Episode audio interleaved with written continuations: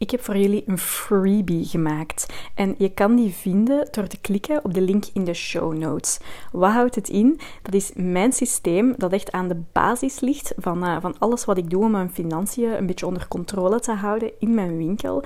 En dat is een template om potjes te verdelen. Mijn salaris, de BTW, maar ook mijn inkoopbudget en heel veel andere potjes. Ben je daar benieuwd naar en wil je daar eens mee experimenteren voor je eigen winkel? Dan kan je die dus downloaden via de link in de show notes. Succes! Ik stond echt nog altijd op dezelfde plaats als om 9 uur. En dat was aan de deur, een webshopbestelling in mijn hand en een muur van levering achter mij.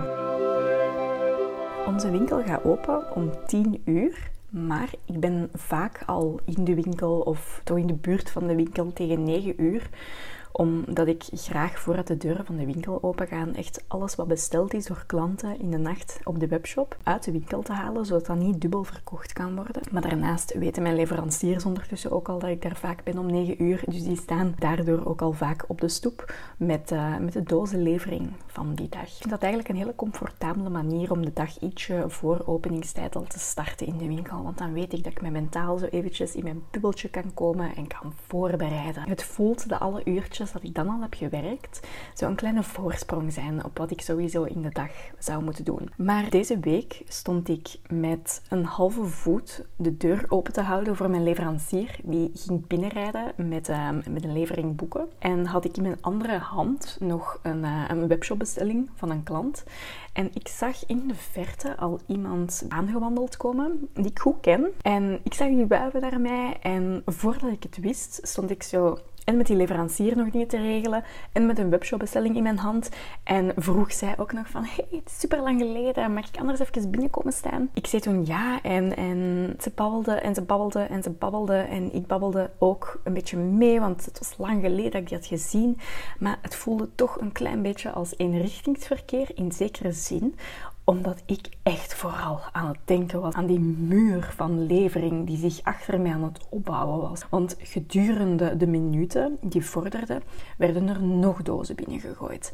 Maar de persoon die binnen stond en aan het praten was, die had er precies geen oog voor. Die bleef echt maar verder vertellen en verder vragen stellen aan mij. Ik dacht van, hoe is dit kunnen gebeuren? Uiteindelijk was het kwart voor tien. Gingen we echt bijna open. Op dat moment, omdat er toch al iemand in de winkel stond en de lampen waren aan, denk ik dat er, eh, dat er iemand anders, een van onze vaste klanten, voorbij wandelde en wist van, oh, er staat al iemand in de winkel, dus ze zal wel open zijn. Komt binnen, is ook helemaal geen probleem. Ik vind dat trouwens echt fantastisch als mensen dat doen. Als het licht brandt, zeg ik altijd, is zo'n beetje mijn, uh, mijn signaal om, uh, om te tonen dat ik, dat ik open ben en dat mensen mogen binnenkomen. Maar nu dat ehm, de dagen terug een beetje sneller donker zijn, moet ik het licht een beetje het noodzaak aandoen, omdat ik anders gewoon niks zie in onze winkel. Dus om kwart voor tien werd uh, de persoon die tegen mij aan het babbelen was een beetje onderbroken, omdat er nog iemand binnenkwam. En dat was zo voor haar een heel mooi moment om, om af te ronden. En ze zei van, allee,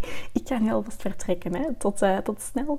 En uh, de andere persoon kwam binnen. Ik zei het al, was zo'n beetje een, een vaste klant, ken ik ondertussen heel goed. En ook zij begon onmiddellijk met mij te babbelen. En te praten en te praten en te praten. En nogmaals, ook hier, ik babbelde mee, want ik, ik, ik ben ook altijd zo benieuwd hoe het met iedereen gaat. En voor ik het wist, was het half elf. Ik stond echt nog altijd op dezelfde plaats als om negen uur. En dat was aan de deur, een webshopbestelling in mijn hand en een muur van levering achter mij. Om half elf hebben we, had ze een aankoop gedaan, gaf ik een zakje mee, ging ze naar buiten. En ik dacht van, oké, nu ga ik eindelijk inhalen in mijn levering vliegen. Niet erg dat dit is gebeurd. Ik was op tijd. Het is oké. Dus ik begon mijn eerste doos levering open te snijden. Een beetje sukkelachtig. Meteen echt alle bestellingen uit de doos te graaien die ik nodig had voor webshopbestellingen. Want ik had een artikel in pre-order online gezet en dat kwam die dag ook binnen. Dus dat was een vrij belangrijke levering. Ik begon daar boeken uit te trekken. Maar ik had mijn eerste doos nog niet verwerkt. En er kwam opnieuw iemand binnen die ik al lang niet meer had gezien. Ook een, een, een, vaste klant die, die, die ik heel goed begon te kennen en die echt begon te vertellen over, over wat er gaande was in haar leven. Dat was ook allemaal heel heavy. Dus ik, ik vond het fijn en oprecht leuk dat zij mij daarvoor vertrouwen nam om eventjes haar hart uit te storten. Ook hier, het was half twaalf toen dat ze vertrok. En ik had echt nog niets gedaan. Ik had 20 euro verdiend aan die twee vaste klanten. Dat was het. Ja, als ik zeg verdiend, dan, dan heb ik het over de omzet. Hè? Want in de realiteit aan winst is dat, uh, is nog veel minder. En ik stond nu echt hopeloos achter. Want ondertussen had ik ook superveel honger. Moest ik echt dringend naar het toilet. En ook daar had ik eigenlijk niet goed mijn grenzen in aangegeven. Ik ben op dat moment eventjes naar mijn berg ook gewandeld. En ik voelde echt zo de tranen opkomen. En ik had zoiets van, Ilse, hoe is dit kunnen gebeuren? Hoe ben ik zo over mijn grenzen kunnen heen gaan? Want de realiteit was eigenlijk dat mijn sociale batterij al een beetje aan de lege kant was. We hadden hele drukke weken gedraaid in de winkel.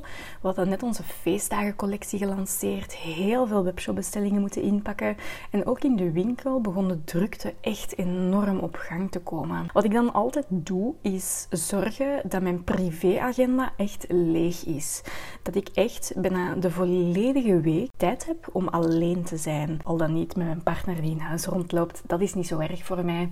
Maar ik moet echt gewoon in mijn eigen bubbel kunnen gaan. Er zijn altijd vriendinnen die sturen van... Het is nu echt heel lang geleden, kunnen we nog eens afspreken? Maar met pijn in het hart zijn dat dingen dat ik dus echt niet doe.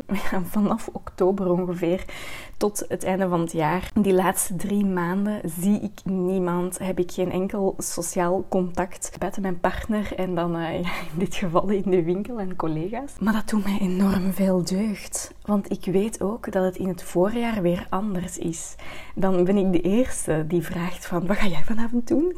Kan ik meekomen? Um, we gaan weer eens heen. Vanaf dat het zo drukker begint te worden op het werk, heb ik echt mijn, mijn rust en mijn avonden nodig om even uit uh, af te kicken van de sociale contacten. Ik ben op dat vlak echt enorm introvert. Ook in de winkel had ik eigenlijk geen puff meer om te praten met die mensen. Dat voelde voor mij toch een beetje als een richtingsverkeer, want ik kon niet geven aan hen wat ik hen normaal gezien kon geven. Als Ilse met een wel volledig opgeladen sociale batterij. In geen enkel geval is dit iets dat, uh, dat ligt aan de mensen die binnenkwamen en die kwamen praten. Want dit is echt een situatie waarin ik niet duidelijk genoeg ben geweest. Ik had eigenlijk ook perfect op een hele vriendelijke en lieve manier kunnen zeggen van super lief dat je binnenkomt en ik vind het fijn om je gezien te hebben, maar ik wil eigenlijk heel graag een beetje verder werken, al dan niet ondertussen.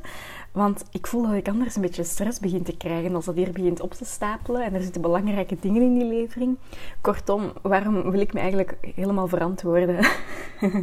dat is eigenlijk ook nog een les van mij die ik moet leren. Ik hoef me eigenlijk niet te verantwoorden. Ik kan ook gewoon op een vriendelijke manier zeggen van ik ben niet zo in de moed om te praten vandaag. Maar ik vind dat heel moeilijk. Ik vind dat echt, echt, echt heel moeilijk. Want het wordt ons ook altijd aangeleerd, al van kinds af aan, dat je altijd heel beleefd en vriendelijk moet zijn. En dat is zo een patroon en een idee dat je dan soms meeneemt vanuit je kindertijd. Want ja, uiteraard um, kan je wel daar korter in zijn en, en op een vriendelijke manier aangeven dat daar je grens ligt. Maar dat is toch echt een, een, ehm, een beeld dat zo'n beetje in mijn hoofd zat van ja, ik heb hier een winkel, hè, dus eigenlijk als hier mensen willen binnenkomen om te praten, dat hoort er een beetje bij. Maar ik heb enorm het geluk gehad dat in de eerste weken dat wij open waren, dat er iemand is binnengekomen met een heel, heel, heel mooie en interessante visie hierover. Zij zei mij dat ze heel graag eens een keertje binnen zou wandelen als ik in de winkel zou staan. Dat ze soms ook gewoon als ze voorbij wandelt op straat zou, zou wuiven. Maar als ze binnenkwam, dat ze het nooit als vanzelfsprekend zou nemen dat ik beschikbaar ben om mee te praten. Want ze zei van, voor jou zijn dit eigenlijk jouw productieve uren. Hè? Dat is het voordeel van een winkel hebben. Je zit niet meer voor de winkeluren en na de winkeluren tot een kot in de nacht webshoppakketjes in te pakken. Je kan dat in de winkel doen tijdens die uren. En idealiter stuur jij tijdens die winkeluren ook je mailings uit. Doe jij jouw sociale media.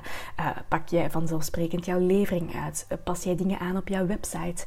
Maar dat moet gebeuren tijdens die winkeluren. Dat zijn jouw productieve uren. Dus ik zal nooit zonder consent hier aan de kassa komen staan tetteren zonder dat jij me daar toestemming voor hebt gegeven. Mensen komen ook niet in mijn kantoor binnen om met mij te praten. Nee, dat kantoor is een afgesloten plaats. Daar zit alleen ik. Dat is ook geen duivenkot. Mensen nemen het in die situatie ook vanzelfsprekend dat ik je niet mag storen, want je bent aan het werk. Maar in een winkel is die grens er niet, want dat is een soort van openbare plaats waar iedereen binnen en buiten kan wandelen, jouw dingen kan vragen. Je staat daar. Je, je eerste job is namelijk er voor je klanten zijn. Dus ik vond dat een heel helder inzicht wat zij mij daar gaf. En ik ben er tot op de dag van vandaag nog altijd heel, heel, heel dankbaar om. Want als ik dat van haar niet had gehoord in die eerste winkeldagen, dan had ik waarschijnlijk mijn beeld van mijn kindertijd een beetje als standaard genomen. Namelijk, dat is je job, je moet daar zijn. Als mensen willen babbelen, ja, dan zijn dat je klanten en die gaan voor. Dan was dat verhaal eigenlijk prominenter aanwezig geweest dan het verhaal dat zij mij had verteld. Eigenlijk is het zaak van mij om daar heel kort in te zijn. Als ik daar een nep-excuus voor nodig heb, dan is het maar zo. Als dat me helpt in het begin, dan moet het zomaar zijn. Maar eigenlijk heb ik een paar standaardzinnetjes nodig die klaar zitten in mijn hoofd als er iemand komt praten. En ik heb daar niet de mentale ruimte voor om dat echt op een hele lieve manier ook aan te geven. En waarom moet het eigenlijk lief zijn? Dat is ook zoiets dat ik in mijn hoofd heb zitten. Vriendelijk, respectvol is eigenlijk voldoende. Gewoon heel duidelijk aangeven van ik heb nu echt eventjes mijn tijd nodig om hier um, mijn werk te doen, letterlijk. En dat was ook eigenlijk een moment dat ik zo'n beetje begon te beseffen ik heb iemand nodig om in de winkel te staan. Die als enige taak ook eigenlijk heeft, korter de bocht, de klanten bedienen, daar heel vriendelijk tegen zijn en ondertussen waar kan webshopbestellingen inpakken en levering uitpakken. Ik begon eigenlijk veel te veel mensen te kennen. Iedereen kende mij, iedereen wilde komen praten en dat vind ik zo fantastisch en lief en, en ik vind dat nog altijd echt een privilege dat dat kan. Maar ik besef ook daarnaast dat alle tijd die ik steek in babbeltjes doen, tijd is die ik niet kan gebruiken om nieuwe producten te ontwikkelen, in nieuw aanbod aan te kopen, reclame te maken voor onze producten, voor onze website, stories te maken, posts te doen, mailings te schrijven. En ik kwam heel hard tot de confrontatie toen ik daar in mijn berghoek stond met tranen over mijn wangen, dat dat mij uiteindelijk echt zou nekken als ondernemer. Dat kan ik echt gewoon niet laten gebeuren.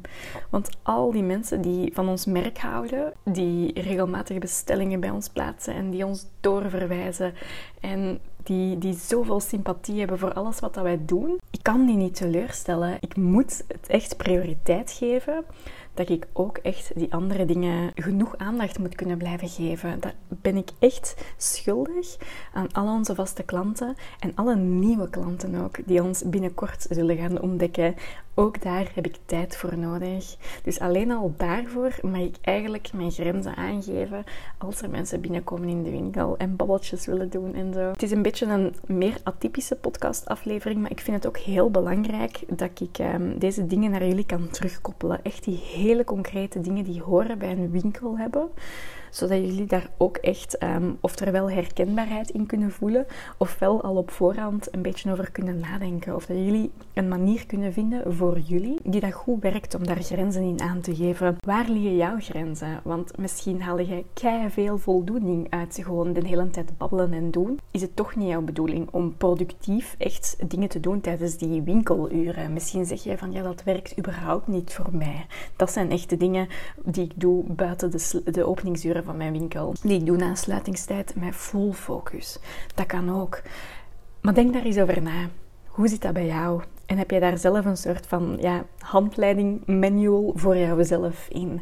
Want dat is heel belangrijk. En het is belangrijk dat die er ook ligt tegen dat het zover is. Of tegen het moment dat jouw sociale batterij een beetje leger is dan anders.